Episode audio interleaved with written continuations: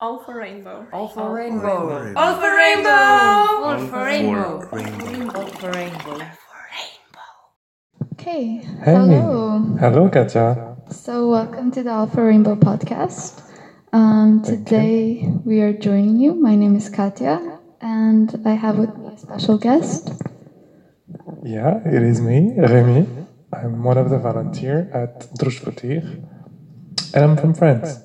Amazing. And that's actually what the topic of this podcast will be about. So, we're going to be asking Remy about his experience as uh, an LGBT person from France in Slovenia and how that has been. Um, so, my first question for you, Remy, would be um, considering that you've been here for six months now and that you work in an LGBT organization, how do you feel about the level of acceptance for queer people and queer topics here versus your home country? Well, uh, yes, I've been here six months. I have been working as an activist in uh, in a queer organization, so I got the chance to meet different kind of people and from different regions of uh, Slovenia. Um, I, I would start personally as a, uh, young gay man cisgender in uh, Ljubljana. I feel quite um, accepted. Uh, I didn't. Uh, I didn't feel didn't feel lots of rejections. I'm talking from my point of view, of course. Um, I would say that I kind of assess the level of acceptance uh, through the people that I meet in Slovenia. So, for example, there is different people. For example, my roommate, who is quite young, who is 20, who we could expect to be kind of, um, I don't know, more welcoming of queer people. Well, he told me that he had never met any gay people before he met me, and I was the very first people, gay gay man he talked to. So he was quite. Um, he didn't know what to say and anything, but then we kind of established a kind of nice relationship. And on the other, let's say, on the other spectrum of age, I met a, a guy who is like 70, 70 years old. He sold me a bike. And then I told him that I was working with and for uh, LGBT people. And he was like, oh, okay, nice, nice. The first thing he told me was like, I'm not gay, okay, but but there is a few places for your kind of people in Ljubljana. It's nice. I was like, okay, okay, okay. For sure, yeah, yeah. So um, let's say that there is no, for my personal experience, there hasn't been any physical negative experience or reaction from people. Um, working in um, working in a queer organization as Društvo allowed me to go to different places in Slovenia. We went to different uh, Pride March in Maribor, Koroška. Uh, Slovenj Gradec? mm, yeah, Yeah. yeah, definitely. And there, before marching, we were holding uh, stands with lots of information about what we're doing in Ljubljana and what activism is. And there, there is, um, of course, people coming in and asking questions.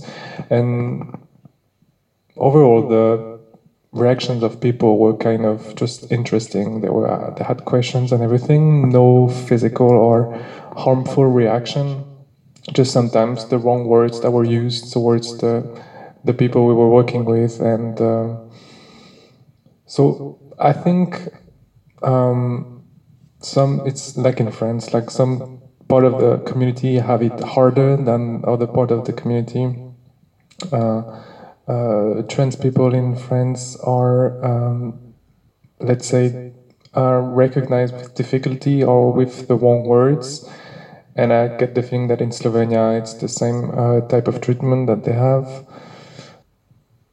That's my point of view about LGBT. Okay, that's really cool. Thank you for answering. And I'm very happy to hear that you haven't had really a lot of negative experiences here. Um, so you would say that the level of acceptance that you feel is about the same here versus in France. yeah, overall, I would say that I agree with this statement. Um, but recently, I made a fr- I made a friend that is a bit older than me. He's uh, 40 years old. He's from Maribor, and uh, he he told me that he just recently told his parents that he was gay and that he couldn't tell uh, more people because his, his environment wouldn't allow him to be um, to be openly gay. Um, so I guess this is the I don't know. Being forty today is. Uh, I don't know. He wasn't comfortable telling everyone that he was gay, even himself. Actually, he was. He took him years and years to to to go to a point where he could uh, allow himself to, to tell himself that he was gay. Um, Yeah, definitely must be more difficult for the older generations as well as for people who grew up outside of Ljubljana because in Ljubljana we do have the most uh, like queer organizations, queer spaces, um, and kind of the most anonymity. When you're walking on the street, you don't have to worry as much about being recognized as queer by somebody that you know because chances are that you won't know a lot of people. Yeah, definitely. Living in the bigger cities allow queer people to find anon- to feel anonymous and also to meet your community. Uh, this is what this is why I when I was in France I used to live in a small city and then I moved to Lyon and then to Paris and which yeah which allowed me to be more anonymous so finally to find myself and then living in a bigger cities allows people to to go to LGBT places and where you can find your people. So um, yeah I'm lucky to be living in Ljubljana now. It's I think easier to be living in the capital city. Um, for example, we I recently went with you actually on a exhibition in the city center of Ljubljana that was made by queer people, and the, the art was definitely queer. Mm-hmm. And it's nice to see that this type of exhibition can happen in Ljubljana in 2021. It's I think a good sign. Yeah, I agree. And for everybody who doesn't know, maybe Remy is talking about the Naj bo Queer, Ozirama Let It Be Queer exhibition that's happening at the City Gallery, and I think will be happening until mid November or start of November. Go see it. Um, okay, so you mentioned that living in a bigger city allows you to connect with your community more. And I was wondering, do you feel that the queer community is kind of a global community and therefore much the same regardless where you live? Or do you feel like that there are, have you noticed any differences between the queer community in France versus the queer community here? And what do you think those differences are? Well, I feel that the queer community is very, very global.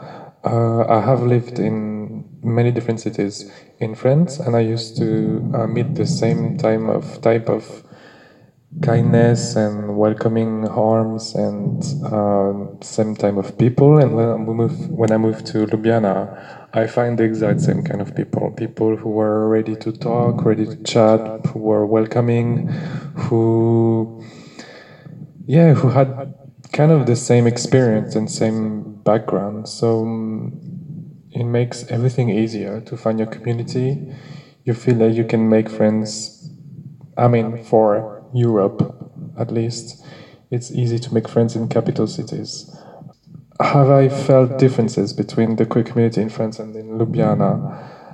Um, so far, not so much. Uh, there is definitely Ljubljana is definitely a smaller city than Lyon and Paris, so there is less places to hang out and less places to to feel the sense of community.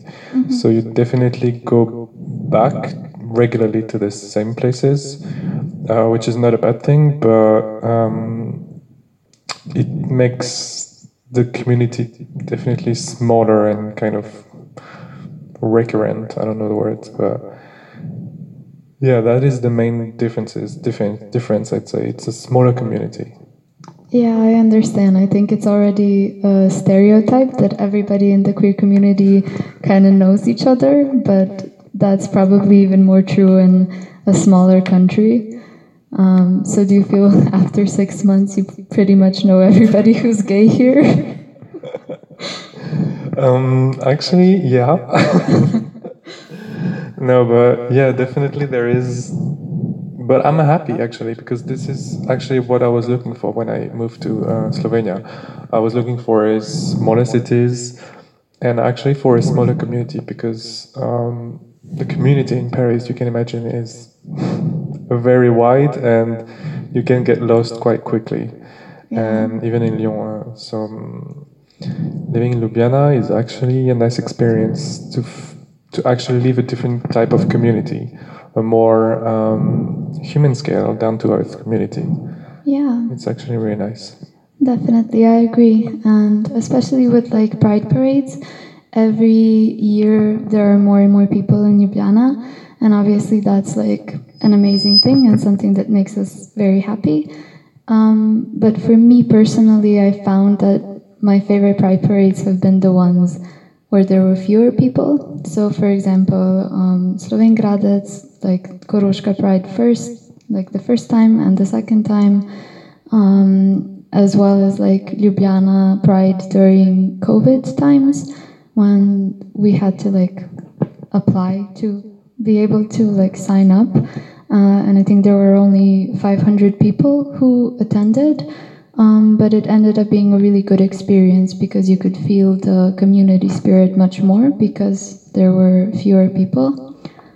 Um, so I definitely understand what you mean. Yeah, definitely. I'm saying smaller communities, but when you get to Ljubljana Pride, where, where we were like a few months ago, you see that there is thousands of people, and you really feel that the community is maybe smaller, but it's definitely here. It's strong. People were shouting, screaming. People were loud, and it was really a nice, um, nice, very nice day. Um, Ljubljana Pride this year. Yeah, I agree. Um, okay, so my next question would have been: Do you feel that you've been welcomed and accepted since coming here? But I feel like you've mostly answered that in the first question already, that you haven't really had any negative experiences here. Do you mean as a gay man or as a foreigner? Yeah, that's what I was going to ask next. So you haven't been discriminated as a gay man, but do you feel that you have been as a foreigner, so from Slovene people to discriminate you because of you not being from here?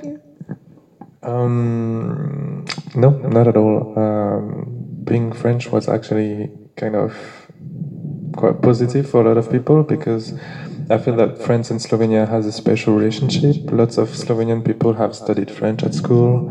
Um, the owner of my flat uh, can speak French, and she speaks French with me sometimes.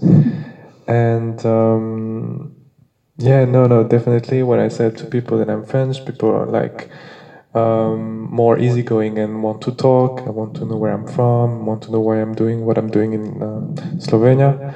Um, I haven't felt any like discrimination towards my uh, nationality, and um, yeah, I'm quite lucky about that.